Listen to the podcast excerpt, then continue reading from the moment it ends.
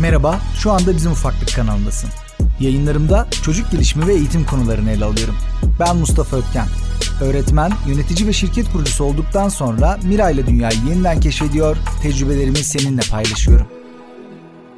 Bizim ufaklık yayınlarının 10.suna hoş geldin. Bugün ODTÜ'de Otsimo'nun yeni stüdyosundayız. Yanımda çalışan anne olmak hesabından İpek var. Merhaba İpek. Merhabalar. Hemen kendini tanıtarak başlayabilirsin. Ben İpek Bayrak. 1986 Kayseri doğumluyum. 2009 ODTÜ işletme mezunuyum. Özel sektörde, savunma sanayinde bir şirkette proje mali analizi ve fiyatlandırma uzmanı olarak çalışıyorum. Yani beyaz yakalı bir anneyim.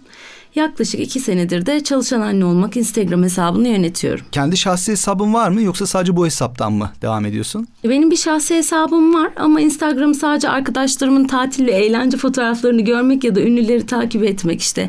Kim nerede ne yapmış merakıyla takip etmek hoşuma gitmediği için o hesaba neredeyse hiç girmiyorum. Instagram'da bir yandan paylaşımlar yapmaya çalışıyorum. Bir yandan da birilerini takip ediyorum. Çok güzel. Peki Instagram'da bazı aile hesapları var. Bunlar da işte mutlu aileler, çiçek çocuklar, ütüsü bozulmamış kıyafetler, sürekli mutlu, her şeye dahil olan babalar vesaire. Diğer tarafta da sürekli dert yanan, ah benim kocam yardımcı olmuyor, ah ben tek başıma babalık yapıyorum bu çocuğa diyen anneler var, babalar var. Sen kendini ne tarafta görüyorsun? Ee, o çiçek ailelerin yanından bile geçemeyiz bence. Ama bir ortak yönümüz var. Biz de gülümsüyoruz. Peki bu tür paylaşımlar yapmaya, çocuğundan bahsetmeye, çalışan bir anne olmaktan bahsetmeye ne zaman, nasıl karar verdin? Ben doğum iznindeydim. Loğusa ruh haliyle Instagram'da dolaşıyordum. En büyük derdim de nasıl işe geri dönebileceğimdi. Kızımı ben işteyken kime emanet edeceğim sorusu falan. Bir baktım ki sanki herkes anne olduktan sonra kurumsal hayatına işte kariyerine son vermiş. Bir süre sonra çocuk büyüyünce kendi işini kurmuş ya da Instagram'ın kendisi onların işi olmuş. Ve hepsi ben bunu çocuk için yaptım diye anlatıyor. O kadar bocaladım ki yavrumu kimseye emanet edemem ben onun ilklerini kaçıramam yaşamazdım, anneliğimi yaşamak istiyorum. Yani bu tip argümanlar, bir mükemmellik pozları bunlar beni çok rahatsız etti. Ben de burada yani bu platformda şunu göstermek istedim. Çalışan anne olmak yeterince iyi bir ebeveyn olmaya engel değildir ama nasıl? Hangi koşullarla, hangi desteklerle bunlar da burada konuşulsun. Dertleşelim, birbirimizle dayanışma içerisinde olalım, birbirimize yol gösterelim diye yazmaya başladım. Hı hı. Kızın kaç yaşındayken yazmaya başladın? Ben kızım 11 aylıkken işe döndüm.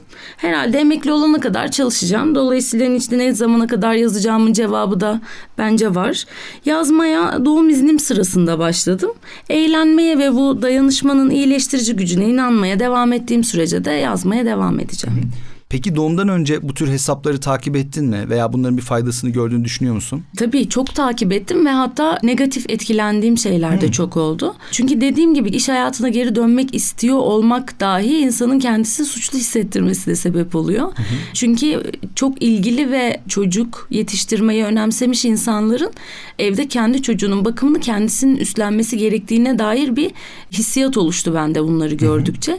Dolayısıyla aslında bir tepki niteliğinde kendi hesabımı hesabımı oluşturdum. Dediğin gibi burada bu tür hesaplar evet bir yandan örnek oluyor insanlara, örnek etkinlikler sunuyor veya neler yapabileceğimiz konusunda bize fikirler veriyor ama öteki tarafta da bir yetersizlik duygusu, bir olumsuz bir duygu da aslında ortaya çıkarabiliyor. Bence yetersizlik duygusu zaten ebeveyn olmanın doğasında var. Ne yaparsan yap onun yeterli olmadığını ya da acaba bu kez de abarttım mı diye düşünerek yine bir suçluluk hissi ya da rahatsız duyma hali oluşuyor. Ne yazık ki bu ebeveynliğin doğasında var bence. Aslında bence de öyle. Çünkü ebeveyn olmak çocuğuna en iyi vermekle bir hani özdeşleşiyor aslında. Boş zaman da önemli, serbest zaman da önemli. Serbest bıraktığımızda içimiz içimizi yiyor böyle. Ya aslında bir sürü etkinlik yapabilirdik. Bu konuyla ilgili şunu da yapabilirdik, buraya da gidebilirdik vesaire.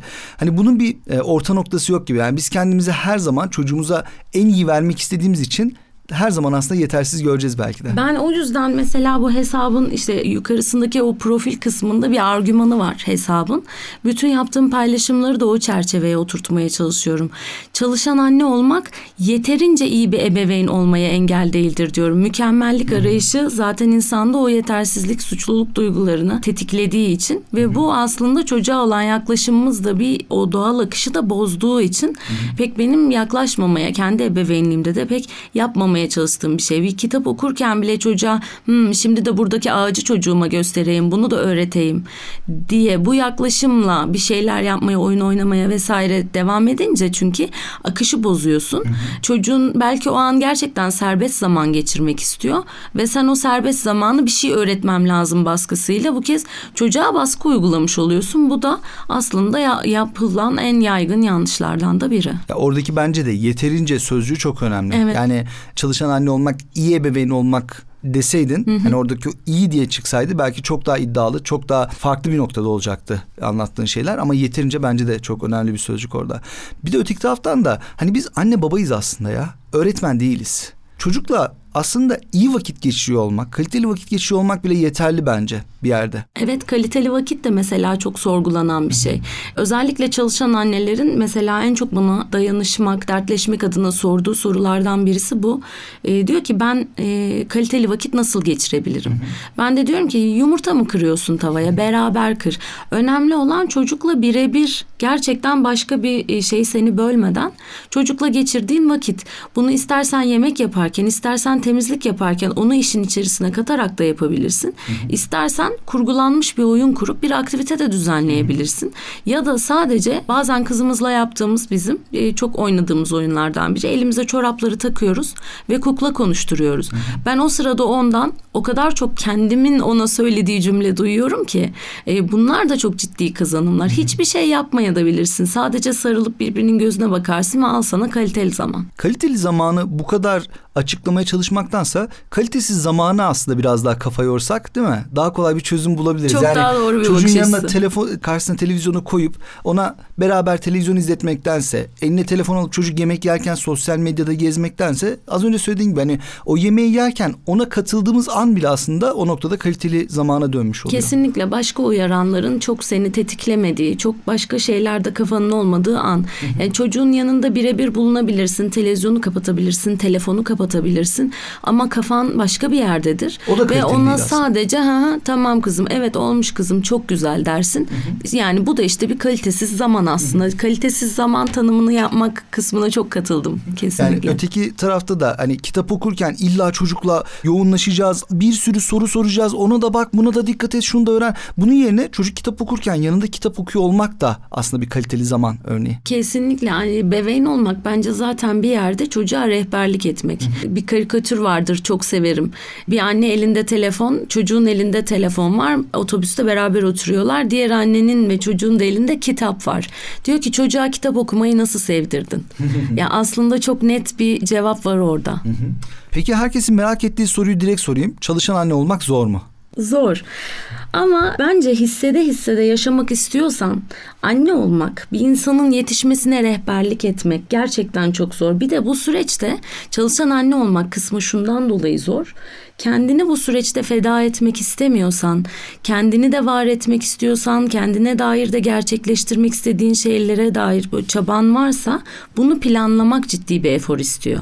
Ama mümkün. Çocuk doğduktan ne kadar süre sonra sen işe döndün? Yani ne kadar süre sonra tekrar çalışan anne oldun? Kızım 11 aylıktı işe döndüğümde bütün yasal haklarımı ve izin sürelerimi kullandım. SGK'lı bir çalışan olarak memurların süreleri çok daha uzun. Ve işe döndüm. O zaman evde kalmak gibi seçeneğin yoktu. Ya aslında ben bunun hiç kimse için bir seçenek olduğunu düşünmüyorum kişisel görüşüm. Ya ben buna bir kimlik meselesi olarak bakıyorum. Şöyle düşünüyorum. Ben kadındım. Daha sonra çalışan kadın oldum. Kendime ait bir mesleğim vardı. Bir ekonomik özgürlüğüm vardı ve orada kendimi ifade ettiğim bir ifade alanım vardı. Fena da sayılmayan bir kariyerim var diyebilirim. Şimdi de kadınlığımın bana bahşettiği anneliği yaşıyorum. E, annelik kimliği o rütbe omuzlarıma takıldı. Ben anne olduğum için diğer kimliklerimden vazgeçmek istemiyorum. Aslında çok önemli bu söylediğin çünkü bunu hep anneler üzerinden ele alıyoruz bence. Hani işin içine baba koyduğumuzda bir anda e tabii ki çalışacak oluyor insanların görüşü. Buradaki olay tabii ki çalışacak değil. İş varsa çalışmak istiyorsan çalışabilirsin. İş yoktur, çalışmayabilirsin veya çalışmak istemiyorsundur. Bunlar çok farklı durumlar aslında. Kişiden kişiye değişecek, kişilerin tercihlerine göre değişecek Ben durumlar. işte onu tam olarak da o şekilde açıklamaya çalışıyorum. Şimdi ebeveynlik dediğimiz şey bir rehberlik. Yani sen çocuğu yapılandırmıyorsun. Çocuğa rehberlik ediyorsun ve çocuk kendi yolunu, kendi akışını aslında senin imkanların doğrultusunda kendi bulacak. Sen orada bir rol model yaratıyorsun. Ben rol model olarak kendimi daha mutlu hissedeceğim şey ona çalışan bir anne vermekti. Başka birisi rol model olarak ekonomik özgürlüğünün mesela çok önemli olduğunu düşünmez de başka bir şeyi düşünür. Kendisine o şekilde rol model olarak tanıtmak ister. Orada önemli olan kilit nokta senin nasıl mutlu olduğun. Çünkü mutlu olmayan bir insanın çocuğa doğru rehberlik de edebileceğini düşünmüyorum. O zaten kendi iç çatışmasını yaşıyor. Kendi içinde huzur hissettiğin anda rehberlik edebilme yetisi kazanıyorsun gibi geliyor. Çocuk seni görüyor çünkü. Hani dedin ya sonuçta bir kariyerim vardı. Zaten çalışan bir kadındım çocuğum doğduğunda. Peki en başa dönecek olsak tekrar bir seçeneğin olsa çalışmayı mı tercih edersin yoksa ev annesi olmayı mı? Açıkçası şöyle düşünüyorum. Bence iyi bir ebeveyn yanında kimse kalmasa dahi evladının ve kendinin bireysel ihtiyaçlarını karşılayabilen, ona bu şekilde rol olabilen bir ebeveyndir.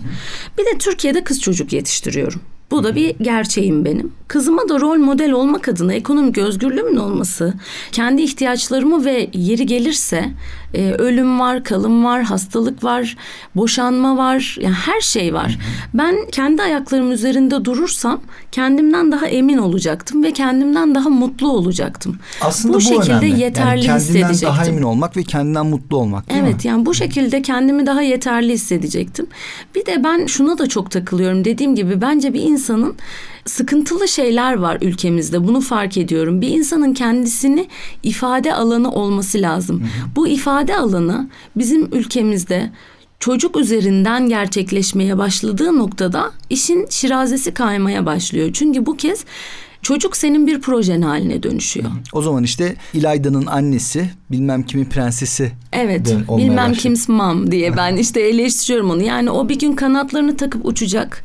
İzin verirsen ama yani sen onu o ifade alanını o özgürlüğü tanırsan eğer kızımı baleye götürdüğüm için işte şu kursa götürdüğüm için bakın benim sayemde kendine eğer onun başarısını yüklemeye çalışıyorsan onun üzerinden onun kendine ait rütbelerini, başarılarını onu koşullamaya çalışıyorsan bu kez o çocuk kendi kanatlarıyla zaten yükselemiyor. Ama diyelim ki bu alanı sağladın. Bu kez o gittiğinde kanatlarını takıp uçtuğunda çünkü onun bireyselleşmesi ve kendi kendine bir Hayat birey olması, gerekiyor. hayat kurması senin temel amacın olmalı bence. O zaman sen ciddi bir boşluğa düşeceksin. Ben e, Türk insanında bunu çok görüyorum. Bugüne işte saçlarımı süpürge ettim, getirdim de bana şunu yapmadı. Yani bir beklenti içerisine girmek. e, bunlar bizim kültürümüzde olan işte çünkü çok girift aileler e, bizim yaşadığımız toplum.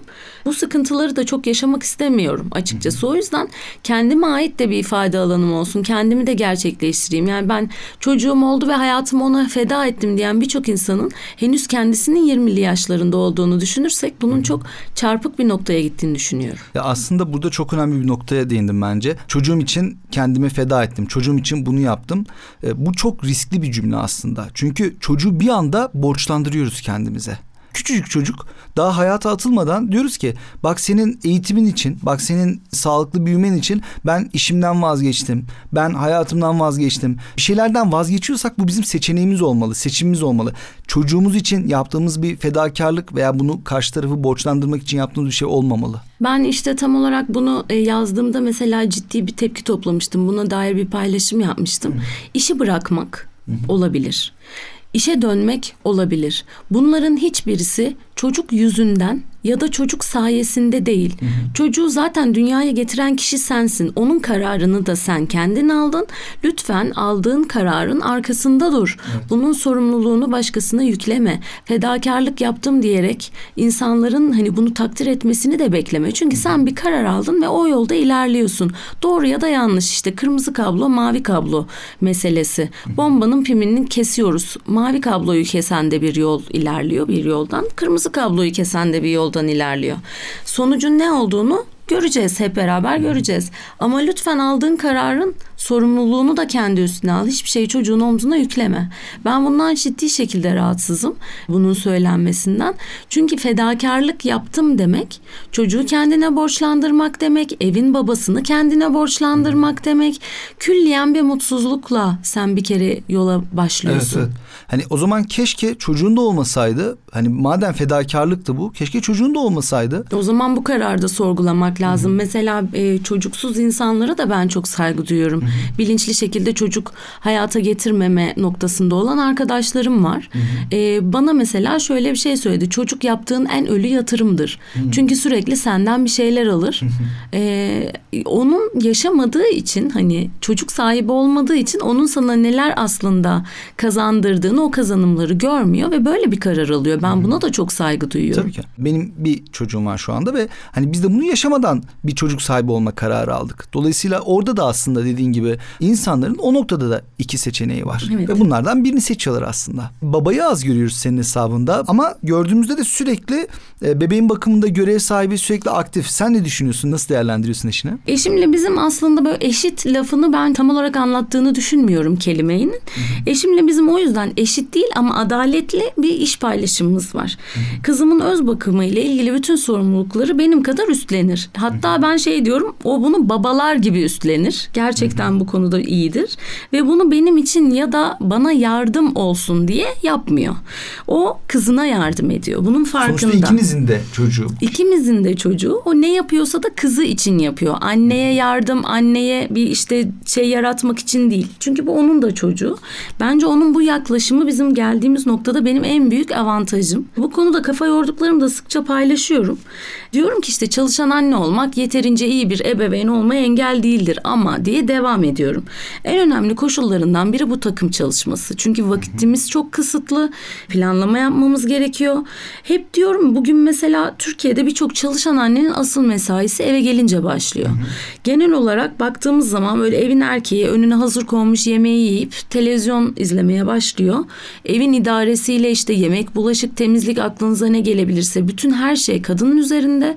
Çocuk bakımı, çocukla ilgili bütün sorumluluklar, onun planlaması ile ilgili bütün her şey kadının üzerinde. O kadın bir de sabah uyanıp işe gidecek. Yani bu pek sürdürülebilir değil, pek adaletli de değil. Ben o yüzden adaletli iş paylaşımı diyorum. Mesela ben iki yaşını dolana kadar kızımı emzirdim. Eşimin buna yapabileceği hiçbir katkı yoktu. Dolayısıyla o benim üzerimdeydi o iş. Evet. Ama çocuğumuz yemek yiyor ve ona kaşık uzatmak ikimizin de yapabileceği bir şey.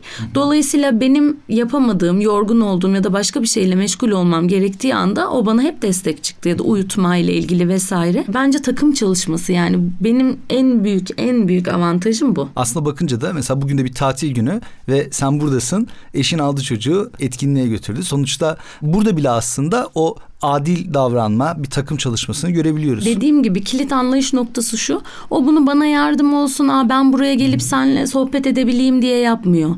O kızıyla güzel vakit geçirmek istediği için kızının vaktinden çalmamak için yapıyor. Mesela ben bunu hani belki biraz özel bir şey ama hani bu noktada bu örneği paylaşmak isterim. Eşime bir mesela yurt dışından iş teklifi gelmişti ama gitmeli gelmeli bir şey. Ben de dedim ki gerçekten ciddi bir kazanç. Dedim ki düşünebilirsin. Ben idare ederim. Yani te, burada ben şey düşünüyorum. Tek ebeveyn olmak ve işte bunun zorluklarıyla ben mücadele edeceğim ama o da kariyerinde istediği bir şey yapmak istiyor mu acaba diye diye ona destek olmak adına gidebilirsin. İstediğin şeyi yap istiyorsan dedim. Bana dedi ki hayır ama ben o zaman kızımı kaçırırım. Geçtiğimiz yazda bana aslında buna benzer bir teklif gelmişti. Irak'ta açılan bir okul ve danışmanlık yapıyordum ben onlara. Çok ısrar ettiler. Gel buraya okulun ya müdürü ol ya da koordinatörü ol. Gerekiyorsa ayda birkaç kere seni geri Türkiye'ye göndeririz. Bütün masraflarım karşılanacaktı. Çok güzel para alacaktım dolar üzerinden. Ama biz de eşimle konuştuğumuzda az önceki konuya da döneceğim ben. Ben bunu kızıma vakit ayırmak, kızımla beraber olmak için kabul etmedim. Yoksa kızım var diye bunu reddetmek zorunda kalmadım. Evet, ya da hani bunu bir fedakarlık yok. gibi görmedim. Bunu kendime tanıdığım bir şans olarak gördüm aslında çocuğumla beraber vakit geçirmek adına. Evet yani aslında ebeveyn olduktan sonra şunu o kadar fark ediyorum ki ben böyle ona bir şeyler öğretmenin derdindeyim. Bak bu yaprak, ağaç, çiçek vesaire. Ama kızım bana o kadar çok şey öğretiyor evet. ki yani ben kendim kendi hayat yolculuğumda İpek olarak onun sayesinde o kadar yol kat ettim ki duyguları tekrar tanımlamayı, koşulsuz bir sevgiyi, bir şeye saf, hiçbir ön yargı olmadan tekrar bakabilmeyi, yavaşlamayı. Mesela her gün işe giderken apar topar yanından geçip gittiğim ağaç. Onun üzerindeki işte o yaprağın üzerindeki çiğ tanesini görüyorum. Kızıma göstereyim diyorum. Sonra diyorum ki ya ben bunu kızım olmasaydı görmeyecektim evet. bile. Hayattan zevk almayı da, o yavaşlamayı da çocuk sana öğretiyor. Çocuğun o dünyasına inebilmek o kadar keyifli bir şey ki aslında bizim kendi iç huzurumuza bizi geri dönmeye öğretiyor. Kendi kendine saatlerce uğraşıp didinip hiç vazgeçmeden ayakkabısının bağcığını bağlamaya çalışması mesela. Hı hı. Hadi hadi koş koş alışverişe yetişeceğiz diye onu çekiştirmek yerine otur ve onun o çabasını bir izle yani o gelişim sürecini izle bu muhteşem bir şey aslında. Aynı şekilde ben de mesela e, çocuğun vazgeçmediğini fark ettiğimde dedim ki ya biz ne zaman vazgeçmeyi öğreniyoruz? Neden bunu öğreniyoruz? Ya da neden bir şeylerden korkmayı öğreniyoruz? Ve ben de şu anda her akşam Mira yatmadan önce bir teşekkür ediyorum ona. Bana sunduğu her şey için. Hani Harika. Az önce söylediğimiz gibi onun bize sunduklarının yanında bizim ona sunduklarımız aslında hiçbir şey değil. Bizim ona teşekkür etmemiz gerekiyor aslında çocuğa. Kesinlikle katılıyorum. Peki tekrar işine dönelim. O böyle bir baba hesabı veya bir ebeveyn hesabı açmayı düşünüyor mu?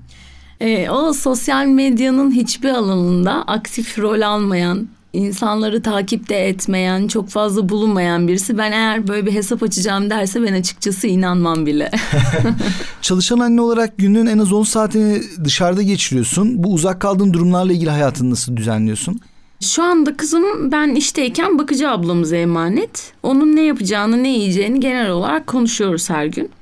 Genelde planladığımız aktiviteler oluyor. Gün içinde yapmaları için böyle aktivite setleri, yapbozlar, kitaplar vesaire sağlıyorum. Onlar işte şu gün şunu okuyalım falan gibi yüzeysel de olsa planlamaya çalışıyoruz.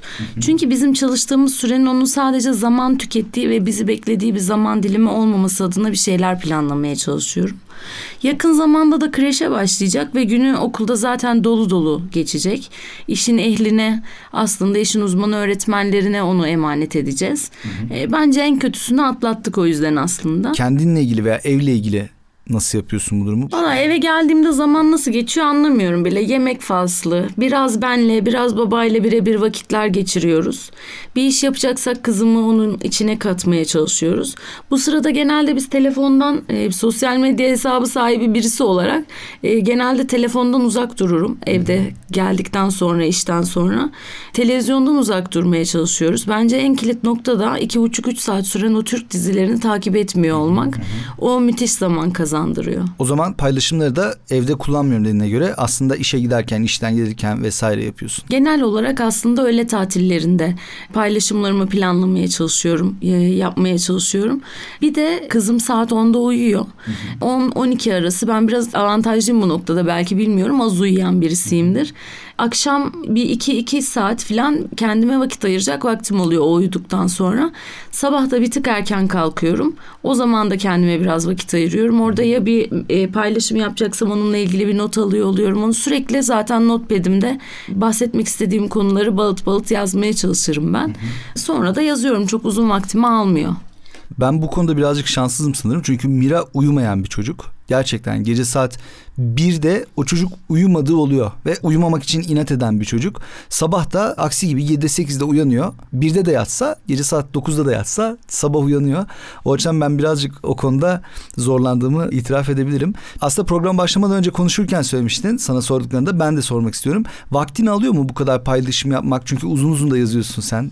E, ben şeyi fark ettim. Yani daha önce verdiğim cevabı aslında yineleyeyim burada da. Ben yazarak düşünüyorum. Hatta konuşmak benim için şu an mesela zorlandığım bir şey. Konuşmakta zorlanıyorum. Konuşurken daha önce düşünmüş olduğum şeyi anlatıyorum çünkü. Ama yazarken o sırada düşünüyorum. E, genelde paylaşımlarıma da uzun olduğuna dair eleştiri niteliğinde de çok okumayı sevmeyen bir toplum olduğumuz için geri bildirimler alıyorum. Ama yazıp geçiyorum. E, sonra bir e, tabii ki saygılı olmak okumak adına okuyucuya yazım hatası yapmış mıyım? Kelime hatası yapmış mıyım? Ona bir bakıyorum. Ee, ama o zaten o an dökülen bir hissiyat olduğu için benim gerçekten 5-10 dakikamı alıyor maksimum o uzun uzun okuma e, zamanı kadardır aslında bir kişinin benim onu yazma sürem. Çok güzel. Ben de aslında uzun yazıyorum. Çift dilde de yazmaya çalışıyorum. Ben de çok eleştiri alıyorum ama anlatmak istediğimizde o şekilde anlatabiliyorsak maalesef böyle olacak bu. Yani Evet yapacak bir şey olacak. yok. Yani Instagram'ı nasıl kullanmak istediğinize bağlı. Eğer fotoğraf takip eden bir insansanız sadece fotoğraf görseliyle ilgiliyseniz yazıyı okumak istemiyorsunuz. Ama mesela ben genel olarak Instagram'ın yazı kısmını ve hatta yorumlar kısmıyla ilgilenirim okuduğum hesabın. Takipçileri neler düşünmüş bu konuda vesaire onları e, okumaya çalışırım. Bence Instagram'ın insanlarda yarattığı illüzyon bu. Oyaladığı şey senin yazdığın içeriği ürettiğin kısım değil. O çok oyalamıyor. Beni çok oyalamıyor. İçeriği okuduğun, takip ettiğin kısım o sürekli bir e, timeline scroll etme o asıl insana vakit kaybettiren bir şey. Ben onu çok yapmıyorum. Belli başlı takip ettiğim hesaplar var. Ben içeriğimi üretiyorum. Geri kalan her şeyi aslında kitaplardan vesaire ya da birkaç takip ettiğim uzman hesaplarından vesaire öğreniyorum. tatil günlerinde bir yanda dinlenme fırsatı var. Diğer yanda da çocukla kaliteli zaman geçirme şansı. Az önce bahsettiğimiz aslında konu. Bu vakti nasıl değerlendiriyorsun? E, Mesela kızımı cumartesi günleri oyun grubuna götürüyoruz. Bunu şöyle planladık. Bir hafta babası götürüyor, bir hafta ben. Ben götürüyorsam eşim spora gider ya da işte motor sürmeye gider. O seviyor.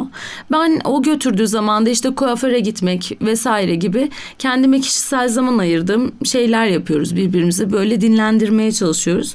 Bir de bazen eşsiz ve çocuksuz arkadaşlarla buluşmalar ayarlamaya çalışıyoruz. Bu da çok dinlendiren bir şey ve o şeyde de çok e, çocuk konusu açmamaya çalışıyoruz. Kendi eski hayatımıza geri küçük bir dönüş gibi e, onu yapmaya çalışıyoruz. Ama şunu hep söylüyorum benim hesapta da zaten söylediğim bir e, şeydir o. Tünelin ucunda ışık var gerçekten var. İki buçuk yaş itibariyle biz aslında daha çok dinlenebilmeye başladık. Mesela hafta sonu e, alıyoruz sandalyelerimizi böyle çimlik biraz daha doğal bir alana gidiyoruz. Kahvemizi alıp oturuyoruz. Biz kahvemizi alıp hani orada dinlenebilirken kızım da orada mesela kozaklak topluyor. İşte büyüteç almıştık ona bir tane. Onda tırtılı inceliyor, yapraklara bakıyor falan. Kendi kendini de e, eğlendirmeye başladığı bir döneme doğru gidiyoruz. Dolayısıyla o sürekli bizimle bir şeyler yapma hali yavaş yavaş azalıyor. Yani tünelin ucunda ışık var. Burada senin söylediğin şey çok önemli. Ta en başta konuştuğumuz konularla da bağlantılı bence. Hani dedin ya kendi kendine vakit geçebiliyor. Aslında biz yeni nesil ebeveynler çocuğumuza vakit ayıracağız. Onu en iyi şekilde eğiteceğiz. Ona her şeyi öğreteceğiz derken çocuğu çok fazla kendimize bağımlı hale getiriyoruz. Bu sefer de aslında kendimize vakit ayırmak istediğimizde ahvah etmeye başlıyoruz. Çünkü o zaman çocuk artık sadece bizde vakit geçirmek istiyor. Kendisi etkinlik yapmaktan, kendisi oyun oynamaktan bir haber oluyor. Bence o noktada işte senin de tercihlerin sonucunda çocuğun kendi kendine vakit geçirebilmesi çok önemli bir kazanım bence. Kesinlikle. Peki sosyal medya ebeveynleri bir yandan bolca takipçi sahibi ama diğer yanda da çok eleştiriliyor. Sosyal medyada çocuğumuzu kullandığımızı düşünen insanlar var. Sen bu konuda ne düşünüyorsun? Bence eleştirilen bu konuda oldukça sığ kurgulanmış şu işbirlikleri. Çok mükemmel görünen bir vitrin var. Bu insanları rahatsız ediyor. Bir de e, uzmancılık oynayan her konuda fikir sahibi olmuş anne ev hanımları var. Bu aynı zamanda çok da tehlikeli ve bence bu yüzden eleştiriliyor. Ben bu olduğunu düşünüyorum. Bu üç noktanın ciddi şekilde eleştirildiğini düşünüyorum. Bir yanda da çocukları sayesinde az önce söylediğim gibi çocukları sayesinde var olan bazı ebeveynler var ve sadece onlarla ilgili yaptıkları paylaşımlar sayesinde aslında oradalar. Eğer o çocuk fotoğrafı olmasa ya da çocuk o hayatında olmasa aslında hiçbir şey olmayacakmış gibi düşünüyorlar ve böyle bir algı uyandırmaya başlıyorlar. Bu da aslında benim eleştirdiğim noktalardan birisi. Geçenlerde bir şey vardı. Bilmiyorum izlediniz mi? Çinli bir sosyal medya fenomeni. Çocuk modellik yapıyormuş. Günde beş firmayla kıyafet çekimleri Ha, için evet, çalışıyorlarmış. Çocuk kıyafetleri giymek istemiyor ya da işte gösterilen hareketi yapmak istemiyor diye annesi çocuğu hırpalıyor. Tekmeliyor falan değil mi? Tekmeliyor işte kötü davranıyor vesaire ya bu düpedüz çocuk istismarı Aynen annenin öyle. kendisi tarafından yapılıyor yapılan. Ben e, biraz bu noktaya belki hani birçok sosyal medya sahibi insana göre biraz daha radikal bakıyorum. Bence çocuğun kendi üzerinde fikir sahibi olamayacağı yaştayken çocuğun fotoğraflarını vesaire bu kadar çok paylaşmak, çocuğun bir şekilde orada ünlü olmasını sağlamak, koca koca insanlar ünlü olduklarında hani ne yapacağını bilemezken, Şaşırırken. şaşırırken küçük bir çocuğun daha yetişme evresinde ona böyle bir titir yüklemek bu bana tehlikeli geliyor. Benim de yapmadığım bir şey. Ben bilmiyorum farkında mısınız? Kızımın genelde yüzünü paylaşmam. E, Çünkü bu aslında benim sosyal medya hesabımın stratejisi değil. Yani benim çocuğumun bir marka yüzü olması gibi bir planım yok. Çocuğumun da orada aa ne kadar güzel aman ne kadar tatlı vesaire gibi e, iltifatlara ihtiyacı yok. Ya da benim bunları duymaya ihtiyacım yok. Oradaki o alınan like'lara benim çocuğumun ihtiyacı yok. Sosyal medya benim için bir gelir kapısı değil. Yani çocuğum için de bir ekonomik destek noktası değil. Dolayısıyla onun yüzüne aslında orada ihtiyaç yok ama bu aynı zamanda benim hesabımın en büyük handikapı. Çünkü orada sevimli bir bebek görmek insanları galiba mutlu ediyor. İnsanlar orada beyine bastıkça bu hesaplar daha çok yükseliyor Evet. vesaire bildiğimiz konular. Aslında belki de benim hesabımın avantajlarından birisi bu. Ben bu noktada şöyle düşünüyorum. Çocuğu kullanarak bunları paylaşmak, bunları üretmek, bu içeriği üretmek bir noktada çocuk zaten bir şeyler yaparken onu bir şekilde yakalayıp yani zaten biz sürekli fotoğraf video çeken bir aileyiz. Yani fotoğrafları videoya gerçekten çok önem veririz. Yani biz bunları yapmadan önce de biz bu fotoğrafları videoları yapıyorduk. Bu kolajları yapıyorduk. Bir şekilde kurguluyorduk. Bunu aslında biz paylaşmaya başladık son zamanlarda. Bunu yapıyorsak yani benim açımdan en azından çok büyük sıkıntı yok. Ama az önce söylediğin gibi çocuğu bir rol yapmaya zorlarsak ve bunu çocuğun da inisiyatifinin dışında yapmaya başlarsak orada zaten dediğin gibi çocuğu istismar etmeye başlıyoruz. Hatta işte bunu gelir kapısı haline çeviren Instagram, YouTube sayfaları var Ne maalesef. yazık ki. Yani mesela çalışan annelere tavsiye niteliğinde ben kızımla bazı oynadığımız kazanımı yüksek ama hazırlaması kolay diye tarif ettiğim aktiviteler paylaşıyorum. Bu aktiviteleri ya da işte mesela bazı kendi kullandığım ürünleri paylaşıyorum araştırmaya fırsatı olmayan çalışan anneler için. Tabii ki onların da mesela biz oynarken vesaire videosunu koyuyorum ben. E, Genelde çekimleri kızımı çok göstermeden yapmaya çalışıyorum. Çünkü orada göstermeye çalıştığım şey oynadığımız oyun ve aktivite. O benim kendi titizlenmem. Dediğin gibi şuna katılıyorum. Eğer çocuk zaten kendi normal akışındayken sen çocuğu fotoğraflıyorsan ve bunu bir şekilde paylaşıyorsan ki benim sosyal medya sahibi çocuğunu paylaşma noktasında benim kadar titizlenmeyen arkadaşlarım da var. Ama ben biliyorum onların da çocuğun suistimal etmemeye çalıştığını ya da çocuk güzel diye bir şey yapmaya çalışmadıklarını. Orada çok kritik, çok ince bir çizgi var. Evet. Bence çocuğun rızası alınmadan çocuk hakkında ne paylaştığın da önemli. Ece Su bugün kakasını yaptı. Yani bu özelde çocuğun daha sonra ileride utanabileceği, ergenliğine geldiğinde arkadaşlarının o acımasız çevrenin ne yazık ki okul çağlarında çocuğun önüne çıkabileceği paylaşımlar yapmamak da kritik bir nokta bence. Aslında geçen paylaştığımda da böyle bir şey yazmıştım ben. Muhtemelen Mira biraz büyüyünce bu paylaşımı silmek zorunda kalacağım diye. Evet yani bunun farkında olarak hareket etmek gerekiyor. Ya şimdi bu bir çocuk belli bir yaşa geldiğinde bundan rahatsız olduğunu hissedersem bunu silebilirim. Ama bunun üzerine bir hesap kurgulamak gerçekten çocuk için de aslında yorucu ve üzücü bir durum. Sen paylaşım yaparken nelere dikkat ediyorsun? Çünkü benim çok dikkatimi çeken bir şey var. Ben doktor değilim ama veya ben eğitimci değilim, alan uzmanı değilim ama diye başlıyorsun çoğu zaman veya sana bir şeyler soruyorlar. Soruya bile cevabın direkt bununla başlıyor. Ben bunu çok önemsiyorum. Çünkü dediğim gibi bence Instagram annelerinin, işte blogger annelerin vesaire en çok eleştirildiği ve eleştiride de insanların çok haklı olduğunu düşündüğüm noktalardan biri bu. Kesinlikle. Herkes sosyal medyada bir şeyin uzmanı. Herkes uzmancılık oynamaya başladı. Dolayısıyla kendisi bir tane çocuk büyüttü diye bütün çocukların yiyeceği ek gıdalar hakkında atıyorum. Ciddi bir bilgi birikimi varmışçasına insanlara tavsiyelerde bulunması çok tehlikeli. Daha geçenlerde benim hesabıma bir soru geldi. Mesela 8 aylık çocuğum ceviz vermeli miyim? Ben nereden bileyim? Ben bir doktor değilim. Ben tamam yedir tabii ez yedir falan gibi bir tarifle verdiğim şey çocuğun başına bir iş geldiğinde ben senin yanında olacak mıyım? Ya da sen yaptığın bir hareketten dolayı gecenin bir yarısı ateş nöbeti tutarken senin yanında o sosyal medya annesi olmayacak. Hatta yani şöyle bile bir risk var. Böyle bir şeyi sordu ve cevap aldı ve başına böyle bir şey geldi. Sana bir mesaj attığında o mesaj tık diye silinebilir bile. Kesinlikle yani sen benim- o mesajı da cevabı da silebilirsin aslında. Yani Kesinlikle. insanlar bunlara güveniyor bu insanlara ama. Yani burada ben işte şunu da söylüyorum her zaman. Benim doktor, çocuk gelişimi uzmanı tanıdıklarım, psikolog tanıdıklarım ben her zaman yaptığım paylaşımlarda zaten onlardan uzman görüşü alıyorum. Bu bence önemli bir şey. Çünkü ben bir cümle yazıyorum. O karşı tarafa nasıl geçiyor? Şimdi benim kendimi nasıl anlattığım değil özellikle yazı dilinde karşımdakinin ne anladığı önemli. Dolayısıyla söylediğim şeydeki sivri bir şey var mı? Yanlış anlaşılabilecek bir şey var mı? Boşluk noktası bırakmamaya çalışıyorum ve uzman görüşü almaya gerçekten çok dikkat ediyorum. Ve kendimin de uzman olmadığını, sadece kişisel tecrübemi paylaştığımı sıklıkla bu yüzden dile getirmek zorunda kalıyorum. Çünkü bazen bakıyorlar ki orada bir oluşmuş bir güven var. İnsanlar bir şeyler soruyor. Seni bir uzman hani konunun çocuk gelişim uzmanı ya da öğretmen vesaire zannedip sana soru sorabilen insanlar oluyor. Yeni gelen insanlar takip yani etmiş ama çok da araştırmamış. Ben zaten ona da hiç anlam veremiyorum. Ben her zaman şunu sorgularım kendim. Bir kişi bir şey söylüyorsa o kişinin bunu söylemeye ehliyeti var mı? Ya da bu referansı kim? Referans noktası ne? Ben bunu araştırarak ele alıyorum. İnsanlara da bu farkındalığı yaratmaya çalışıyorum. O yüzden sürekli söylüyorum. Ben uzman değilim ama ben şöyle yaptım ama bence bu çocuk psikoloğuna sorulmalı gibi. Ya da gerçekten direkt uzmanlık gerektiren sorularda ben buna cevap veremem diyorum.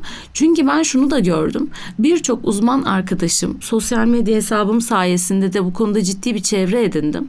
Ciddi bir kitap okuma vesaire üzerine bilgi birikimim de oldu.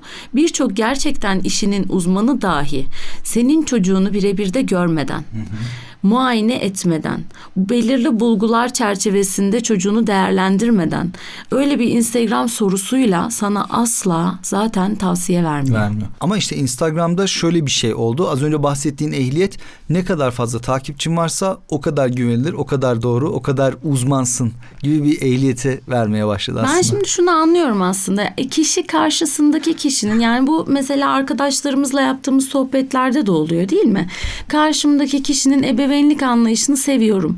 Birçok noktada benimle aynı çizgide düşünüyor. Bazı konulardaki fikirlerimiz tutuyor. O zaman şu konuda da fikri ne acaba diye ben ona sorabilirim. O da bunu bana sohbet niteliğinde paylaşır. Paylaşabilir. Deneyimini paylaşır. Biz hep arkadaşlarımızla zaten dertleşe dertleşe ilerliyoruz. Kreşi nereye seçtin? Neye dikkat ettin? Sen neyi önemsedin? Şunu yapıyorum ama doğru mu yapıyoruz acaba? Biz hep Bu hayatın dinamikleri sonuçta. Hayatın dinamikleri. Sosyal medya hesabında da kendisine yakın gördüğü, kendisiyle özdeşleştirdiği ya da ebeveynlik felsefesini beğendiği insanları takip etmesi zaten benim hesabımın üzerinde durduğu dayanak. Ama benim söylediğim bir uzman görüşü değil. Ben bunu her zaman işte söylemeye çalışıyorum.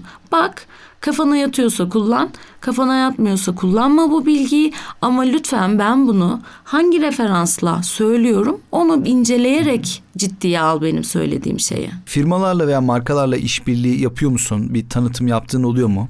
Açıkçası ben birçok teklifi reddediyorum. Zaten benim hesabım yeni yeni büyümeye başladı. Küçük bir hesaptı. Ama birçok teklifi reddetmek zorunda kaldım. İlk önceliğim bu işbirliği benim hesabıma yakışıyor mu? Hatırlıyor musunuz 4-5 yaşında çocuğuyla bez tanıtımı yapan hesapları? İşte ben o konuma hiçbir para için düşmem mesela. Çünkü bu hesap benim gelir kapım değil. Ben onunla ilgili şöyle bir yorum yapmıştım. Hani utanmasa kendi giyecekmiş o bezi zaten.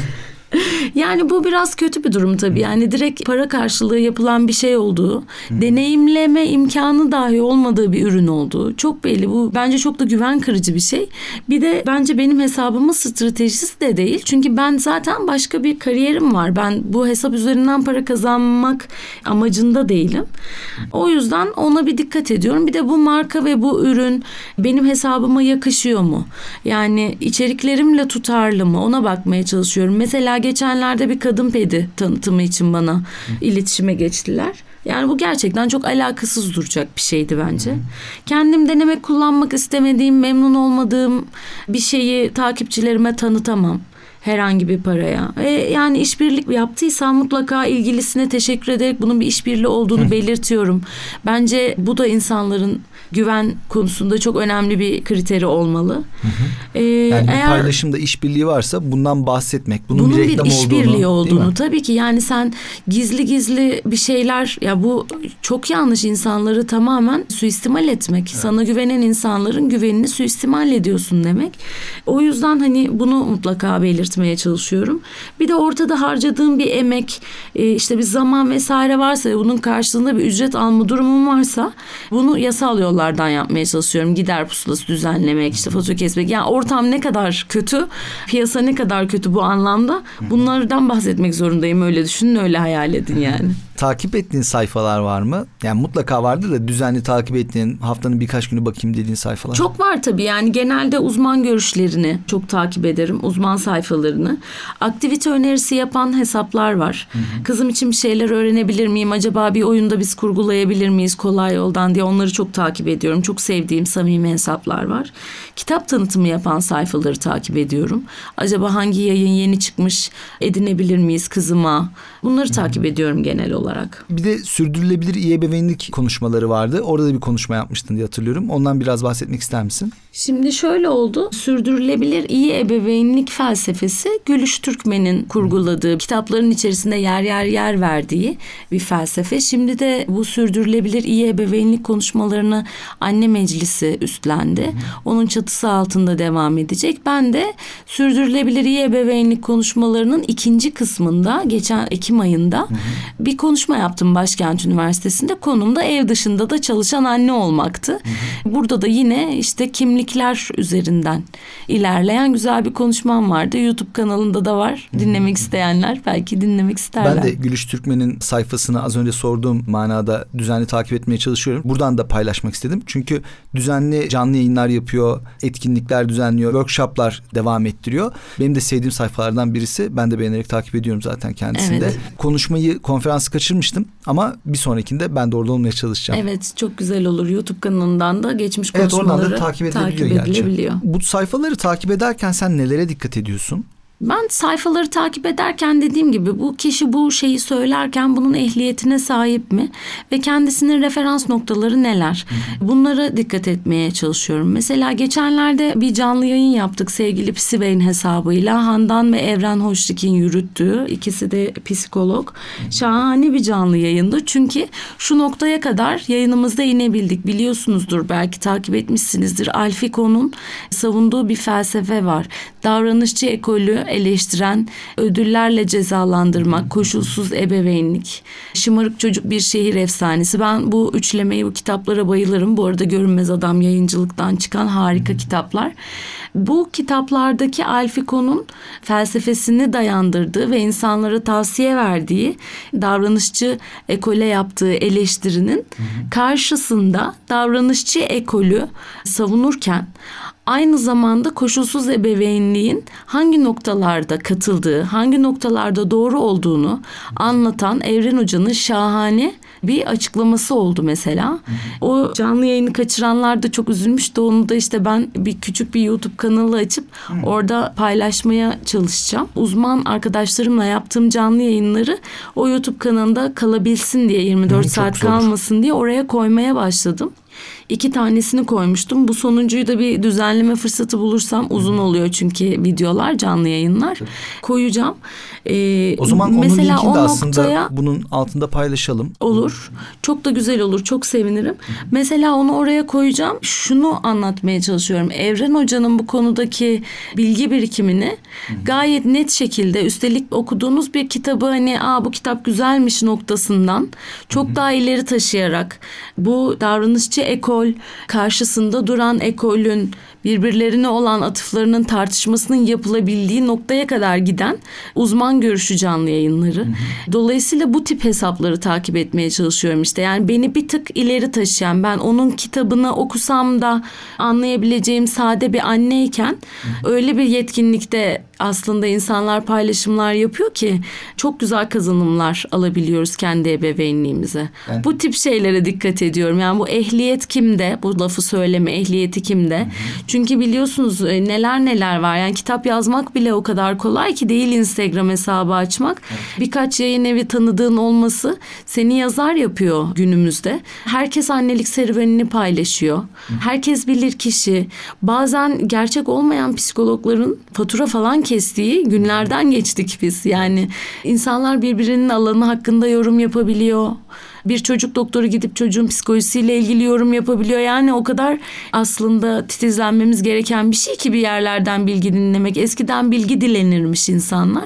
Şimdi bilgi kirliliğiyle Üstümüze uğraşıyoruz. yağıyor. Üstümüze yağıyor. Biz doğru olan hangisi diye an- anlamaya çalışıyoruz. Biraz titizleniyorum o nedenle takip ettiğim hesapları. Bir yandan da anladığım kadarıyla zaten kısıtlı bir vaktim var bu konuda harcayabileceğim. O zaman bunun şapkası ne kadar güzelmiş, bu bununla ne güzel kombinlenmiş şeklinde çocuğuyla ne güzel kıyafetler giymişten ziyade biraz daha kendine fayda katabilecek sayfaları Aynen öyle ve geçenlerde bununla ilgili ben bir paylaşım yaptım. Üstüme yorum yağdı. Ne kadar çok benim gibi düşünen insan varmış diye de çok mutlu oldum. Dedim ki ben gerçekten alışveriş yapmayı sevmiyorum. Yani kadınlar genelde alışveriş yapmak onları dinlendirir ve mutlu olurlar. Ya da bir şeyleri takip ederler, modayı takip ederler erkeklere nazaran. Ben öyle bilirim yani. Ama ben gerçekten hoşlanmıyorum. Dedim ki ya keşke birisi benim adıma kıyafetlerimi gidip deneyip alsa ve bana seçse sen de şunu giyeceksin dese. Ben o noktaya gelene kadar gerçekten yoruluyorum. Hiç de bundan zevk almıyorum ve hani böyle evet kemerinden tokasına, rujuna her şeyini kombinleyen insanları takdir ediyorum ama hiç ilgi alanım değil. Bunu da bir böyle bana işte neden giydiklerini paylaşmıyorsun falan gibi bir şeyin üzerine cevaben yazmıştım. Benim gibi düşünen de çok insan varmış. Benim buna gerçekten vaktim yok. Vakti olan ve bununla ilgilenen, bundan mutlu olan insanlara saygım sonsuz. Ama ben o kişi değilim. Peki çalışan anne babalara konuyu da toparlayacak bir çağrı veya önerim vesaire bir şeyin var mı? Ya öncelikle şunu söylemek istiyorum. Lütfen kendinize inanın. Bir de yavrunuza biraz güvenin. Yasal haklarınızı, çalışma noktasında yasal haklarınızı çok iyi bilin. Çünkü insanlar bunu size söylemek istemeyecektir. Bu konuda ülkemizde bir sıkıntı var, direnç var. Kendine ait yasal haklarını kullanma noktasında özellikle çalışan annelerin. Birbirinize destek olun. Dayanışmanın bir tek benim başıma gelmiyor bilincinin iyileştirici gücüne de gerçekten inanın. Bir de çalışan anne olmak hesabına benimle birlikte sahip çıkın. Aslında bu noktada ben bir şey daha eklemek istiyorum. Yine senin sayfanda okudum. Çok hoşuma giden bir yazıydı. Ve bence bunun gözükmesi çok önemli. Demişsin ki pozitif ayrımcılık diye uğraşıp duruyoruz ama kadınlara verilen bu ayrıcalıklar onların işlerini kaybetmesine sebep oluyor. Aynı ayrıcalık babaya verildiği sürece güçlü kalabiliriz. Bence bu çok Kesinlikle. önemliydi. Kesinlikle ben daha önce verdiğim bir röportajda da ondan bahsettim. Şunları biraz araştırmak lazım bu yasal haklar noktasında. Mesela bazı ülkelerde sanırım İsveç ona bir bakmam lazım. 60 gün babanın da çocuk izni kullanması zorunlu. Yani dolayısıyla sen sadece kadına bazı izinleri verdiğin zaman işverenden şu tepkiyi alıyorsun. Diyor ki neden orta yaşlarına gelmiş, çocuk sahibi olmuş, işe ara vermiş ya da işte işi bırakmaya çalışan, daha çok izin alma potansiyeli olan, çocuğu ne zaman hastalansa onun bakacağı net olan. Çünkü kültür bunu getiriyor. evet. Bir insanı işe alayım. Neden onun yerine genç, askerliğini yapmış, daha çok çalıştırabileceğim, daha az maaş verebileceğim bir erkeği işe almayayım ki? Bu kez kadın e, çok daha yetenekli olmasına rağmen zaten iş piyasasından çıkmış ya da direkt dezavantajlı Evet. başlamış oluyor. Dolayısıyla bu hakları, pozitif hakları sadece kadına sunmak bence tehlikeli. Bu hakların çok uzatılmasını talep etmek de Türkiye piyasasında tehlikeli olabilir. Ben bunu tartışmaya açtığımda istemiyor musun yani izin de- denebiliyor Evet, bana. evet. Ama bunları da konuşmak lazım diye düşünüyorum. Aslında hani ben bir yönetici olarak da kadınların hakim olduğu eğitim alanında bir yönetici olarak da bununla karşılaştım. Yani kafamdaki en büyük sorulardan biri buydu. Yeni evlenen bir öğretmenimin bir anda ben hamileyim deyip izin alması ve çocukların ortada kalması veya yeni öğretmen arayışına girmem. Çünkü Çünkü öğretmen değiştiğinde veliler de bu konuyla ilgili isyanda bulunuyor. Bu da aslında benim dahi yaşadığım bir sıkıntıydı. O yüzden Aynen bence çok öyle. önemli bir Bir de yani aslında işverenlerin bence hani şu konuda da farkındalık yaratmak adına ben paylaşımlar yapıyorum. İşverenlerin özellikle işe geri dönüş o tutundurulma noktasında kadınlara daha çok fırsat vermesi gerektiğini düşünüyorum. Bunu da şöyle anlatmaya çalışıyorum. Diyorum ki anne olmuş bir kadın anne olmamış bir kadına nazaran on kaplan gücündedir. Ne demek istiyorum diyorum ki o zamanlamayı, zaman yönetimini çok iyi planlamıştır. mutlaka. Çocuğun mamasının saat kaçta kaç dakikada verileceği, kaç cc ölçekle verileceğini pürüzsüz bir şekilde planlayan ve bunu her gün yapan, bir an bir şeyle uğraşırken üç işi kafasında zaten planlayan, koordine eden, halleden bir kadın stres anında karar verebilme yetkisinin ne kadar geliştiğini düşünürseniz annelik aslında bir kadına bayağı pozitif bir katkı sağlıyor. E, İş hayatında da beklenen şey bu değil mi zaten? Doğru aslında. Peki çok teşekkür ediyorum ben sana bu programa katıldığın için. Bence çok güzel bir program oldu. Ben teşekkür ederim bana e, ifade alanı tanıdığınız ve e, derdimi tasamı anlatmama fırsat verdiğiniz için çok teşekkür Rica ederim. ederim, Çok sağ olun. Böylece 10. bölümü de bitirdik. Çocuk gelişimi, aile, eğitim, çocuk kitapları ve ebeveyn olmakla ilgili diğer birçok içeriğe bizim ufaktaki Instagram sayfasına ulaşabilirsin. YouTube'da da içerik üretiyorum. Oraya da bir göz atabilirsin. Bana bizim ufaklık etotkem.com adresinden veya Instagram'dan mesaj atabilirsin. Bu yayınları da Spotify, YouTube, iTunes gibi birçok platformdan dinleyebilirsin.